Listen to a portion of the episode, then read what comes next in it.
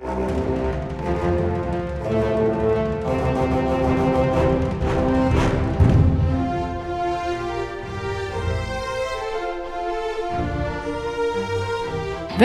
til Frankrike forklart, en podkast der du får svar på alt du lurer på om Frankrike.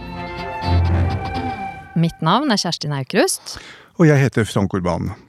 Flere av dere har kanskje sett NRK-dokumentaren Da Macron ringte Putin, som på fransk heter Un président, l'Europe et la guerre. Altså En president, Europa og krigen.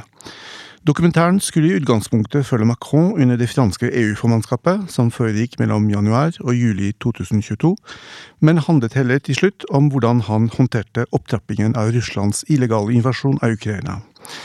I ettertid har det blitt en del spørsmål rundt Macrons dialog med Russlands president, både før og etter krigsutbruddet. Hvorfor er det viktig for Macron å holde telefonlinja til Putin åpen?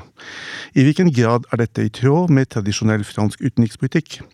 Hva vil man med dette, og virker dette til syvende og sist? Den som skal hjelpe oss med å svare på disse spørsmålene, er Kåre Dahl Martinsen. Velkommen. Takk for det.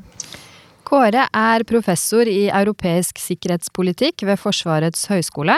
Han har doktorgrad i statsvitenskap og har forsket på europeisk samarbeid både før og etter murens fall. Kåre har god kjennskap til tysk og fransk utenrikspolitikk, og han har også arbeidet med russisk gass- og oljeeksport til Øst- og Vest-Europa, noe som kan være relevant med tanke på dagens tema. I 2023 så utgir han en ny bok hos Cappelen Dam, Økonomisk krigføring, hvor han blant annet drøfter to spørsmål. Hva er økonomisk krigføring, og hvordan utkjempes den? Det gleder vi oss til. Kåre. Frankrikes forhold til Russland er jo langt eldre enn forholdet mellom Putin og Macron, selvsagt. Kan du fortelle litt om Russlands betydning for fransk utenrikspolitikk på det europeiske kontinentet, både som potensiell fjern trussel og eh, som relativt nær alliert? Ja, det, det, har jo variert opp gjennom historien, men jeg syns det er veldig bra at du sier Frankrikes forhold til Russland. fordi hvis vi går tilbake til de Gaulle, så hadde han vekt på at det var liksom til Russland man hadde et forhold, ikke til Sovjetunionen. Han, han snakket om Russland hele tiden. Og um, det var nok uh, noe som uh, klang godt i russiske ører. Problemet er bare det, det tilbakevendende problemet er bare hva med alle de som bor imellom? Og det har vært en sånn en, en, eh, voksende, lenge en voksende mistenksomhet at, at Frankrike, som i likhet med Tyskland særlig, at de forholdt seg til Moskva og ikke til, de, eh, til eh, verken de baltiske landene i sovjetperioden eller Ukraina osv. Man, man neglisjerte dem fullstendig. Men eh, Russland har fungert på mange hatt en litt sånn pussig rolle i fransk utenrikspolitikk. På den ene måten, så på den ene siden så har man fra Frankrike prøvd å profilere seg som en som eh, hadde et åpent og godt forhold til Russland, og da på en måte som en kontrast til USA, at man kunne spille en slags sånn meglerrolle. Og på den annen side så har man jo i Frankrike også en klar eh, atlantisk dreining. Det har vært særlig tydelig i, i, Forsvaret, vil jeg si, hvor man har sett på dette her med mistenksomhet. Og dette toppet seg jo interessant nok rett etter invasjonen av Ukraina, hvor eh, Erik Vio, som var eh, eh, var sjef for den franske etterretningen, han ble sparket fordi at man der hadde gitt helt feil etterretningsrapporter inn. Altså man hadde sett det man ville se, tror jeg er riktig å si. Og da opplevde man det, det tror jeg sjeldent i fransk politikk, at Thierry Bourcard, som er den franske forsvarssjefen, han sa rett ut til Le Monde at amerikanerne hadde rett og vi tok feil. Og det er jo en interessant eh, erkjennelse. Så, så Russland har, har, spiller på mange måter en slags sånn eh, litt sånn kontrasterende eh, i, i, forholdet til USA. At man prøver liksom å vise at man har en mellomrolle her. Eh, og det forklarer jo også hvorfor, eh, hvorfor Macron han prøvde å holde denne linjen åpen til Russland. At han kan kunne spille på det at Frankrike har hatt en relativt selvstendig utenriks- og sikkerhetspolitikk. særlig særlig sammenlignet med Tyskland. Nå gikk jo ikke det som, eh, som, eh, Macron trodde, eller vi andre hadde håpet. Men jeg vil jo si at hvis spørsmålet er eh, hvorfor hadde han denne linjen, og hvorfor gjorde han dette her, så tror jeg man skal hilse det velkomment. Alle forsøk på å holde kontakten til Moskva åpen. Og så får man da i ettertid sette seg ned og se hva lærte vi av dette. Men det kommer vi tilbake til. Bare litt om historie eh, fortsatt. Du nevnte USA som en av de to faktorene for eh, det fransk-russiske forhold. Men er det ikke slik at Russland har fungert som en pilar i den franske alliance de revers-strategi, altså motallianse for å demme opp for for en potensiell prøyssisk eller uh, tysk trussel på det europeiske kontinentet. Og jo, jo. Fungert på samme måte som britene kunne fungere for franskmenn. ikke sant? Absolutt. absolutt, og det, det, er det, jo, det, er det, jo, mange eksempler på. At man liksom dannet allianser for å holde, holde, tyskerne nede, eller i hvert fall liksom demme opp for den faren. Det er det jo nok av eksempler på gjennom historien. det. Uh, før Napoleon og etter. Napoleon er jo et unntak der. Uh, så nei, det er helt riktig viktig at man prøver hele tiden å benytte seg av de mulighetene som er, til å finne alliansepartnere som kan måtte motbalansere en for sterk, et for sterkt Tyskland, men også motbalansere en for proamerikansk utenriks- og sikkerhetspolitikk. Men Frankrike har jo Altså, Det må man jo si at det, det, er et stort gap mellom hva som sies og hva som gjøres. For det er interessant nok at selv altså under Mitterrand, hvor det jo ikke akkurat var noen varme forhold mellom Paris og Washington, så gikk jo ehm, eh, atomvåpensamarbeidet med USA altså det kostet. Det var, da var det ingen hinder i veien, og det var Mitterrand selv helt klart på at det skulle ikke forstyrres av dette her, og amerikanerne ville heller ikke forstyrre det. Så Frankrike er på mange måter de er på mange måter litt avhengig av USA på de tingene der. Men når det gjelder Jeg har lyst til å sitere en fransk eh, eh russlandsekspert som heter Galia Ackermann, som var tidligere professor ved universitetet i Caen. Eh, og nå eh, driver hun sammen med Stéphane de Courtois noe som heter Descrucy, som er en sånn informasjonssted. Og hun ga et, et langt eh, intervju til eh, jeg tror Lacroix for ikke så lenge siden, hvor hun sier at det som forbinder Russland og Frankrike, er en nostalgi for et tapt imperium. Så kan man diskutere hvor riktig det er eller ikke, men man kan godt tenke seg at det er noen sånne eh, forståelse, sånn implisitte forståelse fra, eh, fra, fransk side for hvordan for russiske holdninger her. Men i hvilken sak det kommer gir seg praktisk politiske utslag, er litt vanskelig å si. Men la oss nå si da at Macron han ville gjerne være en megler. Det spørsmålet Ackermann da stiller, er dette her virkelig en posisjon Frankrike skal ha? Er det ikke viktigere at vi nå faktisk støtter Ukraina alt vi kan, istedenfor å innta en meglerposisjon? For den meglerposisjonen har ganske store politiske kostnader. For det vil igjen, vil da landene imellom føle at Paris er mer opptatt av forholdet til Moskva enn de er å sikre demokratiet for de nye, litt relativt skjøre demokratiene som er i øst. Jeg syns det er en litt rar sammenligning, fordi Russland har territorielle ambisjoner. Og vil være et imperium igjen, på bakgrunn av altså, altså invasjon av territorier. Mens fra fransk side så er, man, er det, fortsatt drømmen om å fortsatt spille en global rolle og ha globale ambisjoner. Men altså den middelet som brukes i det, er jo diplomati, og ikke minst multilateral eller bilateral diplomati. Så jeg syns det var en sånn litt, litt merkelig Nei, Ikke, ikke helt. Merkelig, la, la, meg bare si det én ting eh, her, Frank. Altså, ikke helt, fordi um, der hvor Frankrike har vondt i de amputerte eh, kolonilemmene sine, er jo når det gjelder Frankrike-politikken. Og der ga eh, Macron et intervju eller Nei, han var på TV5 for tre-fire dager siden, hvor han sa at det Russland nå gjør i, i, i Afrika, er, eh, det er å uh, dytte Frankrike ut på alle mulige måter for selv å kjøre en rovpolitikk. Så der kan du si at der har man eh, Der kan man nok si at der er det en viss form for imperiefølelse som gir seg et litt annet utslag. Da. Men, men begge, altså begge, to har jo vært stormakter, og begge to prøver på ulike måter å opprettholde denne stormaktsrollen. Jeg vil si Frankrike står atskillig sterkere enn det Russland gjør, for de er i ferd med å krympe på alle fronter.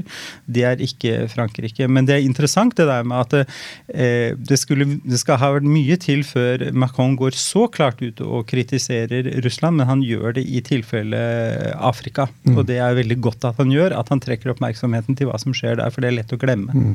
Men, men, kan vi gå litt tilbake til gaullismen? For du nevnte gaullismen, og du nevnte Frankrikes globale ambisjon, eller ambisjon om å forbli en stormakt. Um, det å, kunne, det å kunne vise evne til å snakke med begge supermakter under den kalde krigen, var jo i kjernen av gaullismen, ikke sant. Og, og Macron kritiseres veldig ofte for å fortsette å ville føre en dialog med, med, med Russland. Eh, til tross for eh, krigens gjerninger eller ugjerninger og, og, og, brudd på menneskerettigheter. Men hvis, hvis vi går tilbake til gaullismen, altså hvilken funksjon hadde denne dialogen med Sovjetunionen, som de Gaulle ikke likte å kalle for Sovjetunionen, men som han kalte systematisk for Russland? Og du nevnte, du, du, du nevnte, nevnte USA, og så, så, var det Sovjetunionen og Russland som var det andre kortet. Hvilken funksjon, hvorfor var den dialogen så utrolig viktig for de Gaulle og på en måte etterkommerne? Ja, Det er et veldig godt spørsmål, og du vet like godt som meg at det er det skrevet atskillige bøker om. Men la oss nå bare kort si at jeg tror at det hadde to funksjoner. En innenrikspolitisk og en utenrikspolitisk. Og Den innenrikspolitiske var at den bygget opp under en illusjon om at Frankrike hadde en global rolle, en meglerrolle, som var politisk viktig. Og den var eh, og det altså det økte folks la oss si, selvfølelse, eller den nasjonale selvfølelsen. Det tror jeg man ikke skal stikke under en stol. Det andre, hva dette har betydd rent praktisk politisk, det er jo langt vanskeligere. Fordi du kan si at én ting er å peke på antallet toppmøter og slutterklæringer og sånt noe, og det er jo, det er jo en del som, eh, forskere som, som gjør eh, til stor glede for seg selv. Eh, men helt hva dette betyr, er, har jeg alltid vært litt usikker på. Men jeg tror nok at det, for the goal så var dette her en måte ikke bare å forbli interessant i Russlands øyne, men også i Washingtons. Og det tror jeg er ganske viktig her. At ved å ta, innta den stillingen der, så sørget han å holde amerikanerne også litt på tærne. Eh, og han kunne noen ganger liksom eh, Altså vise seg som en stor statsmann. Men hva dette praktisk har betydd for Frankrike i forhold til Russland, det vet jeg ikke. Kanskje du har noen gode, konkrete eksempler på det? Nei, men det, altså, Graden, kvaliteten på forhold til Washington kunne måles ut ifra hvor tett uh, dialog til Moskva man hadde, uh, i hvert fall under gaullismen. Uh, og i de Gaulles forstand så var det veldig viktig at Frankrike skulle føre en stor, altså storhetspolitikk, men ikke minst en uavhengig politikk. Og man kunne overfor det franske publikum, ikke minst, kunne vise til at, at, landet var i stand til å føre en dialog med begge supermakter, samtidig som man bygde opp atomvåpen som en forsikring for en form for fransk uavhengighet.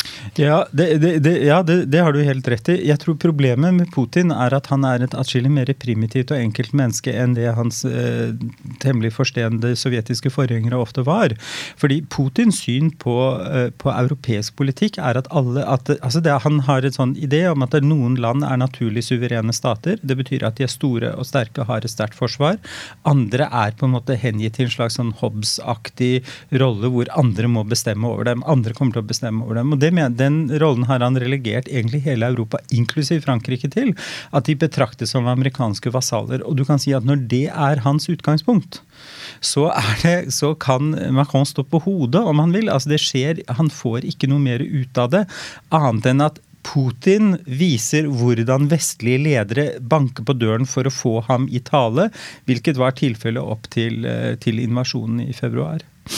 Vi skal litt eh, videre etter de Gaulle, fordi Frankrikes forhold til Russland ble jo fram til eh, avviklingen av den kalde krigen preget av endringer i spenningsnivået, og også av hvem som satt i lederstilling på fransk og sovjetisk side.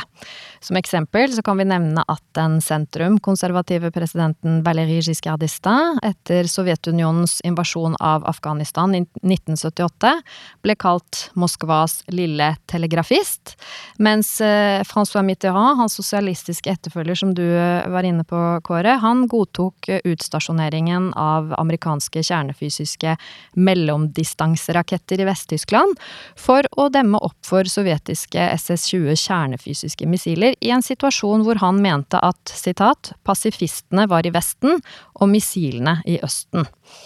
Hvordan vil du beskrive forholdet mellom Frankrike og Sovjetunionen fram, fram til eh, Sovjetunionens oppløsning i 1991? Det jeg Altså, de siste, de siste årene, altså under, under, eh, under Brezjnev og eh, Andropov-Tsjernenko, så, så, var det eh, Altså, det er, ikke mye å, det er ikke mye å si om det. Det var ganske stagnert på alle måter, og det var noe Jeg, jeg, jeg gikk inn og tittet uh, bare for å se på liksom antallet offisielle visitter og sånt, og det var jo knapt noen ting som skjedde i den perioden men det var jo, sånn var det over hele fjæra. Det, det, det var på mange måter måter en stabilitet som var komfortabel. Fordi det skjedde så lite. Det, det, er jo det uforutsigbare som er det vanskelige å håndtere også. Hendelsene som hele tiden kommer og virker inn på hverandre. Eh, så jeg vil nok si at det, det var først etter at eh, Altså, det var først under Gorbatsjov at det begynte å skje ting. For da merket man man hadde muligheter til å kunne påvirke. Og det var, det var en sterk interesse fra, fra russisk side for å knytte former for ny, nye kontakter. Problemet for Eh, problemet for eh, Paris på det tidspunktet, der var jo Tyskland samling.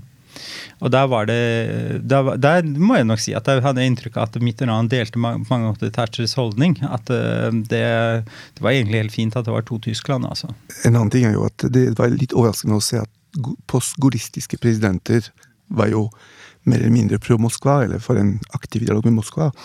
Så kom Mitterrand, som var en uh, først sosialistisk president som ble valgt under den, første, den femte republikk, og var veldig kritisk og veldig skeptisk til Moskva, og inntok en veldig konservativ rolle i forhold, i forhold til hvor langt man skulle gå. Og, og som du eh, riktig, eh, helt riktig påpeket, det er jo først da Gorbatsjov kom til makten, at Mitterrand inntok en litt annen posisjon overfor Så han var egentlig garantisten for en streng fransk utenrikspolitikk overfor Moskva, noe som Vichy Giscard ikke hadde vært. I hvert fall han hadde vært anklaget for å være for myk eller for, for, eh, for tam i forhold til, eh, til, Moskva. Særlig etter eh, invasjonen i Afghanistan, i en, i en setting hvor Frankrike boikottet OL i, i Moskva. Og, og, og, og, reiste til Moskva for å delta. Det er litt interessant, fordi vi snakker om VM i Qatar i dag. men, men det, det, skillet du påpeker der, syns jeg er veldig viktig. Og det er ganske pussig, egentlig, at det er høyresiden er myk Altså er langt mer forståelsesfull og, og tilpasnings vilje overfor uh, russiske krav enn det venstresiden har vært. Og det, det skillet ser man jo i fransk politikk fortsatt i dag. At det har vært en langt større altså Hvis hun nå regner uh, Marine Le Pen jeg, jeg, har alltid i tvil om partier som hennes hvor de egentlig hører hjemme. Men hun har jo hele tiden vært mye mer pro, eller lydhør overfor Moskva. Og hun er også mye langt mer, svært kritisk til den vestlige politikken, sanksjonspolitikken. Hun har også nylig gått ut og sagt at det må være slutt på å gi våpen til Ukraina. for de trenger vi selv. Altså Der har hun en viss støtte i det, i, i det franske forsvaret og sier at vi er snart tomme. Eh, men, men holdningen er en, er en helt annen. og der hvor det ga seg et konkret og sett med ettertidens øyne et uheldig utslag, var Sarkozys megling i krigen mellom uh, Georgia og Russland. Hvor det endte opp med en freds... 2008. 2008, ja, hvor det endte opp med en fredsavtale som begunstiget Russland i stor, stor grad. Man kan jo på en måte si at det, det, var litt uventet at Sarkozy skulle gjøre dette her, men han var jo en veldig aktiv altså Han var virkelig proaktiv.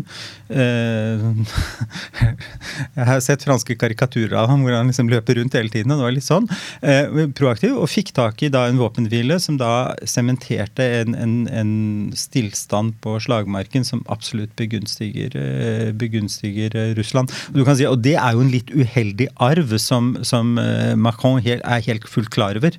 At han, de blir sett på med en viss mistenksomhet. Jeg vil si at uh, hvis jeg, du gjerne, hvis jeg kan hoppe litt så hvis jeg, hvis jeg satte og så på interessant nok Den franske ambassaden i, i Kiev har en sånn liste over offisielle besøk i franske besøk i Ukraina. Og siden siden omtrent krigen begynte, så har det vært elleve offisielle franske besøk av ulike politikere, inkludert Macron to ganger eller tre ganger. Eh, I de foregående årene til 2014 så har det også vært 11. Så det sier jo bare at man nå virkelig satser på dette her, også for å eventuelt bygge opp det der skjeve inntrykket som man kan ha fått av en for pro-russisk holdning i fransk utenrikspolitikk. Siste spørsmål som belyser den historiske bakgrunnen, for den er ganske viktig for å skjønne hvorfor Absolutt. man vil det han vil i dag. Hvis man ser på blokkavviklingen eh, og eh, tiden rundt 90-91 eh, eh, så hadde man en, en, en, et håp eller en forstand om at blokkavviklingen og spredningen av kapitalismen skulle gi verden en form for evig fred, samtidig som den skulle dele kortene på nytt på det europeiske kontinentet. Så Warszawapakten så den militære alliansen i østblokken ble raskt oppløst. Og til gjengjeld så er vi tilbake til Francois Mitterrand. Eh, Mitterrand så for seg et europeisk sikkerhetssystem, som du skrev mye om på, den tiden, som skulle være mindre avhengig av USA enn før, samtidig som Russland skulle kobles tettere til, til Vest-Europa. Og Da tenker jeg på to ting, f.eks. For forslag om å legge ned Nato. Som, som ikke var så urealistisk i overgangen mellom 1991 fra fransk side, og som ble støttet av Mitterrand, og hans forslag om å danne en europeisk konfederasjon som vil riktignok inkludere Russland, men ekskludere USA. Hvordan gikk det, Hvis du ser på den perioden, da tenker vi på EU-debatten, Nato-debatten og, og, og, og, sikkerhetsstrukturen i Europa. Hvordan gikk den franske den, den ganske planen om ny, et nytt sikkerhetspolitisk system for Europa. Med Russland på innsiden. Det, det, du, det, du, legger frem der, må jo etterhånden bli en av de mørkere episoder i fransk diplomati. For jeg tror ikke hver mann fra fransk side har lyst til å minnes for mye om den perioden der i det hele tatt. For det gikk jo absolutt ikke. Eh, eh, og det er og det, det, det, Arven fra det er jo at det nører opp under en stadig mistanke i mange øst- og sentraleuropeiske land, og at den franske planen dypest sett er å dytte USA ut. Slik at Frankrike får en sterkere rolle. Og Da tror jeg vi skal se på hva som er skjedd nå i dag. og det, da er det da må jeg nok si at min holdning er at Frankrike er nå blitt ytterligere marginalisert fordi det geopolitiske tyngdepunktet i Europa har flyttet seg østover. Og nå er det på mange måter ikke Frankrike som bestemmer. Tyskland vil ikke bestemme. Og det er mer Polen som har tatt på seg Hvis vi skal peke på ett land, så er det Polen som har tatt på seg ledertrøyen der. Og det er også ganske pussig, fordi Frankrike hvis du, altså Vi kan dra opp virkelig fra møllposen et begrep som er glemt, Weimar-triangelet, som var et slags sånn samarbeid mellom Tyskland, Polen og Frankrike, som i utgangspunktet skulle være et politisk altså Det skulle også omfatte sikkerhetspolitikk. Det har jo vel degenerert til å dele ut en årlig lyrikkpris eller noe sånt nå. Altså Det betyr ingenting lenger. Men der hadde Frankrike en sjanse som gikk tapt, fordi man var mer opptatt av Moskva. Og også man ikke aksepterte at for at for Polen og for de, for de baltiske landene f.eks., dvs. Si også for en del andre østeuropeiske land, så er det som skjer i Ukraina en eksistensiell kamp. Og det er noe helt annet enn det er for oss og for Frankrike også. fordi det er, er, altså, det er ikke noen frykt for eksistensen videre, men det er det for disse landene her. De ser på dette her som noe helt annet. Og Derfor er også den uttalelsen til, eh, til, Macron om at man må ikke, eh, man må ikke ydmyke Putin, eh, den, altså den, den er veldig god sett fra fransk eh, synsvinkel. Og jeg vil nok også si at jeg har stor forståelse for den, men jeg vet hvordan den faller ut f.eks. i Polen og Sentral- og Øst-Europa. At der har man jo faktisk det som må til her. Den har en historisk forankring. Ja, det har den. Den mm. har en historisk forankring. Og du kan si det er jo problemet med disse utsagnene, at det, de har et helt annet ekko hjemme i publikum hjemme enn det de får utenfor. Men jeg tror nok, altså problemet for Frankrike her nå, det er at de ser at Frankrike er i ferd med å bli ytterligere marginalisert enn det det var. fordi at eh, problemene altså jeg tror det du kan si, Vi skal se fremover, og det kan vi jo tillate oss litt her. Noen kommer til å bruke dette mot meg, men jeg tror man kommer til å se et ytterligere skille mellom et nordlig Nato og et sørlig Nato. Og Det sørlige Nato er opptatt av problemene i Sahel-området eh, og, og, sørlige delen av, altså sørkysten av Middelhavet. Forståelig nok. Det er ikke vi. Vi er opptatt av Russland mye mer enn det de er, for de er en trussel for oss. Når det gjelder det som skjer i middelhavsområdet, har ikke amerikanerne lyst til å engasjere seg. De kommer ikke til å gjøre det heller. Der kan Frankrike spille en stor rolle, men der må de altså konkurrere med Spania og delvis med Italia også. Når det gjelder den nordlige, så er det litt enklere, for da er det klart at USA har på en måte førertrøyen. Og når vi ser også på hva som er gitt av midler til Ukraina, så kommer Frankrike relativt langt ned, mens det er andre land som ligger langt høyere opp. Som eh, Frank nevnte innledningsvis, så har det norske publikum oppdaget litt av kulissene nå bak det franske diplomatiet i anledning dokumentaren Da Macron ringte Putin, som har blitt vist da på NRK, og som fortsatt er tilgjengelig på nrk.no. Hvordan forklarer du Macrons forsøk på å opprettholde en dialog med Moskva? Du var jo inne på det, men dette synes jo være til tross for at Putin tilsynelatende stadig lyver om sine intensjoner når det gjelder Ukraina. Altså, jeg, jeg, tror, eh, jeg, tror, nok det er mange, mange, måter å forklare dette her på, men den, den, basale er jo et intenst ønske om å avverge en krig. Men det, det, løpet er jo kjørt? Det løpet er jo kjørt. Men altså, det var jo, hvis du tenker på hvorfor, hvorfor gjorde han dette her, det, det, så er det jo det. Men ja eh, Nei, jeg, jeg, har ikke noen andre forklaringer enn de jeg tror jeg allerede har gitt. altså. At det er et behov for å liksom markere seg. Og det er klart at eh, Tyskland kunne ikke inntatt denne rollen her, fordi at eh, de er så eh, nedsyltet i en diskusjon om sin avhengighet av Russland, og egentlig også politisk infiltrasjon, russisk infiltrasjon av tysk politikk. Det har ikke Frankrike. Det problemet har de ikke. Så det er klart at, Og, og Boris Johnson hadde markert seg som en, en totalt pro-ukrainsk figur. Han kunne ikke inntatt det der. Så det var ingen andre i Europa som kunne ha spilt denne rollen. Også fordi at Russland er, mener at EU er bare en papirtiger. Eh, de er en sånn skalkeskjul for amerikansk politikk, eh, pussig nok. Men, men, det er klart det er kun Macron som kunne ha gjort dette. her. Jeg tror nok noen ganger man skal huske på det også, når man kommer med kritikken av det sånn i etterpå eh, etterpåklokskapens bleke lys, så ser hva det, det førte jo ikke frem. Men man måtte ha forsøkt. Det hadde vært for ille å ikke gjøre det. Man prøvde, og i tillegg til det så skal man ikke glemme at Frankrike hadde EU-formannskap i den perioden. Ja. Så, så, da snakket Macron både som fransk president, men også på vegne av europeerne, med en viss grad av uh, konvergens uh, med de andre europeiske hovedstedene. Men når man ser nærmere på det, så kommer man til, uh, til et dilemma. Hvordan kan man fra fransk side fortsatt kombinere en aktiv diplomatisk dialog med Moskva til tross for alt som har skjedd. På toppnivå, og i en situasjon hvor det blir stadig klarere at russerne begår krigsforbrytelser. Dette, sammen med leveranser, hyppigere leveranser av avanserte våpensystemer til Ukraina. Du nevnte at Frankrike havner ganske bak i køene, ikke sant? men hvis man ser på kvaliteten av de våpnene som leveres, så ligger Frankrike ganske høyt egentlig når det gjelder ø, effektivitet. Men i hvert fall, du fører en dialog samtidig som du leverer våpen og stadig mer avanserte våpensystemer til Ukraina, og dermed anklages av Moskva og Putin for å drive et dobbeltspill. Eh, og det var ikke lenge siden at, eh, at Putin fremstilte Frankrike som en eventuell trussel eller fiende. Så da, da, da, handler man på en måte som part i konflikten, samtidig som man skal føre en dialog. Altså, og, det, og, det, gjør på en måte hele diplomati diffust. Hvordan kommer man seg ut av det? Absolutt, helt riktig. Det gjør hele diplomati diffust. Det, det gjør det, altså man, man, man, går litt sånn i, i, i, i tåkelagt rom her og vet ikke helt hvor man, eh, hva man skal forholde seg til. Men på den annen side sett så er det, det er et veldig klart signal til, eh, til Moskva at man mener alvor med at man vil at dette er et angrep, og man vil forhindre det.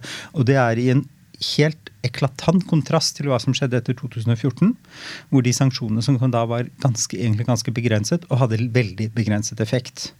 Så det man gjør her, sier at ok, eh, vi har satt i verk disse tiltakene her. Vi opprettholder fortsatt dialogen. Så vi kan finne et eller annet form for kompromiss. Og, når, og, signalet er at når vi har funnet til en løsning som er akseptabel for alle parter, også Ukraina, så vil sanksjonene oppheves. Mm, men du nevnte selv samtidig om at den dialogen ikke nødvendigvis blir forstått av østeuropeerne, og vil oppfattes tvert imot som et dobbeltspill fra fransk side. Ja, eh, nå, har, nå, vil jeg nok si at etter det har, Jeg satt og prøvde å finlese nå over helgen franske uttalelser, og det er kommet klare signaler fra hans side at dette For det første så gikk jo Macron ut og sa at denne dialogen føres, gjøres i, over, i, i kontakt med både Kiev og Washington. Det er ikke noe fransk soloutspill som man kanskje kunne få inntrykk av. Det er veldig viktig.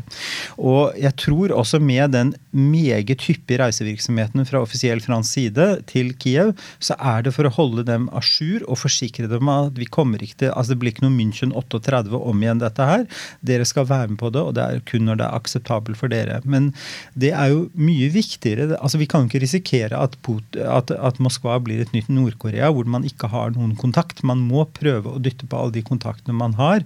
Og så er Det greit, altså det er jo opp til russerne om de vil ta det eller ikke, og foreløpig så gjør de ikke det. Mm. Men de skal vite at det er en mulighet der. Mm. Så jeg tolker deg, det du sier er jo at det franske diplomatiet overfor Moskva er rasjonelt? Ja, det er rasjonelt, og det er rasjonelt fordi at eh, det er også en betingelse for at sanksjoner virker, er at de skal vite at de har en utløpsdato, og den utløpsdatoen er når det kommer politiske endringer. Og det skal man hele tiden si. Ok, hvis når dere slutter å gjøre det og det og det, så vil sanksjonene kunne oppheves. Og det ligger bak. På slutten av hver episode ber vi vår gjest om å komme med en fransk anbefaling. Hva er din anbefaling til våre lyttere, Kåre? Ja, det, jeg tror jeg kommer til å få prisen for den kjedeligste anbefalingen noen har kommet med her. Det kan jeg love dere. fordi jeg har tenkt mye på det. at det, Nordmenn har jo sånt, ofte en sånn idé om franskmenn som er kanskje litt preget av sånn type Louis de Funès-karakterer eh, som løper rundt og er koleriske og veldig morsomme. Og man tror på dem som veldig sånn altså Det er liksom emosjoner, og det ropes høyt. Det er to ting som helt tydelig motsier det. og Det ene er mitt favorittprogram, C'est dans l'air, hvor man samles rundt et bord, og folk får snakke, og folk er intelligente, og man hører på hverandre. Og så er det da noe Og her kommer jeg med den. Jeg har tatt den med fysisk, dere kan ikke se den. Den er kjempetykk. Den er på Dette er en rapport på jeg tror ca. 350 sider fra det franske senatet. Det franske senatet de utgir De har mange høringer om politiske ting. Hvor de innkaller eksperter, ikke bare franske. Og de hører på disse ekspertene og stiller dem veldig veldig glupe spørsmål. Og så lager de en sammenfatning. Og dette er den jeg har med her, er nummer 755. Og det står er Rapport d'information au nom de la Commission des affaires économiques sur la souveraineté économique de la France altså om fransk økonomisk suverenitet. Og det er det, det hele denne krigen setter et klart um, fokus på. Hvordan skal vi kunne klare oss Ikke bare Russland er et problem pga. energi, for det er egentlig litt sånn peanuts, det ruver veldig høyt nå, men Kina er det store som ligger bak. For hvis dere husker under korona, så det, altså, ble det plutselig en akutt mangel på ansiktsmasker og, og, medisiner fordi at Kina produserte det. Og Kina bruker dette som pressmiddel, og så begynner, har det, det franske senat sagt ok, hva kan vi gjøre for å motvirke det? Fordi Frankrike har jo alltid hatt sånne store ideer om suverenitet på dette og dette og dette området, inkludert en ganske sånn selvstendig økonomisk politikk hvor staten går inn. Det er jo en arv fra, fra, Colbert at staten går inn liksom og støtter uh, industriutviklingen. Men her har man det, sett på det og kommet frem til at det er kjempevanskelig og kjempedyrt. For man mangler produksjonskapasitet, og man mangler fagfolk. og man, altså Det er veldig mange ting som man ikke har, men man er nødt til å gjøre noe med det. Og man vil da gjøre det på europeisk nivå. Og det er jo interessant at det en av resultatene av denne Ukraina-krigen er at det har har gitt en ny raison d'être til EU på et område hvor EU faktisk kan levere. For dette ligger innenfor EUs ansvarsområde. Økonomisk politikk og industripolitikk og forskningspolitikk. Og det ser man smelte sammen her. Og det syns jeg er veldig interessant. at det, det er en stor grad av realisme her. Og så vil jeg da si det at det er få, få hvis noen som gidder å lese 355 sider. Men Senatet utgir også en liten summary av alle rapportene, og den er bare på sånn 10-12 sider, hvor det er liksom viktigste punktene her, og de bør man få med seg. Man gå inn på hjemmesiden til Senatet, så ligger det der. Supert. Da kan man kose seg med det i jula. Det kan man kose seg med det i jula. Frank, har du også en liten anbefaling? Det har jeg, eh, Kjerstin. Jeg følger en fantastisk podkast som er lagd av IRSEM, altså Instituttet for strategisk forskning ved Militærskolen i Paris. Eh, og podkasten den heter Le Collimateur, og den drives av militærhistorikeren Alexandre Jublin. Eh, han har fantastiske gjester, og de har tid til å snakke, og det er veldig god kvalitet på programmene. Det er kanskje en av de beste podkastene som fins på det franske markedet om, om, om, om, dagen. Og jeg vil spesielt anbefale de ulike episodene i 22 som handler om Russland og krigen, den illegale invasjonen av Ukraina. Eh, med både bakgrunn fra militærhistorie og bakgrunn fra geopolitikk og geostrategi. Så det er rett og slett helt unnværlig for de som er interessert i eh, militærhistorie, eh, men dessverre også for de som kan fransk. Tusen takk for disse anbefalingene. Da gjenstår det bare å takke vår gjest Kåre Dahl Martinsen for å ha tatt turen til oss i dag. Denne episoden avslutter sesong seks av Frankrike forklart. Vi er veldig takknemlige for at vi får stadig flere lyttere, og vi ser fram til å være sammen med dere i sesong sju over nyttår med nye episoder og nye spennende gjester. Kjerstin, Geir og Frank ønsker dere en god jul og et godt nyttår. Joyeux Noël et bonne et heureuse année 2023! Frankrike forklart er et samarbeid mellom Universitetet i Oslo og Høgskolen i Østfold. Podkasten er støttet av Det norske universitetssenteret i Paris og Institut Francais i Oslo, og har full redaksjonell frihet. Abonner på Frankrike forklart på iTunes, Spotify eller på andre plattformer der du lytter til podkast. Har du kommentarer til oss eller forslag til temaer vi bør ta opp, kan du sende inn det via vår Facebook-side Frankrike forklart. Alle dagens referanser ligger på denne Facebook-siden og på nettsiden vår. Vi skriver en kronikk i forbindelse med hver episode som belyser dagens tema fra en litt annen vinkel. Kronikken finner dere på forskning.no, Transitmagasin og på nettsiden vår.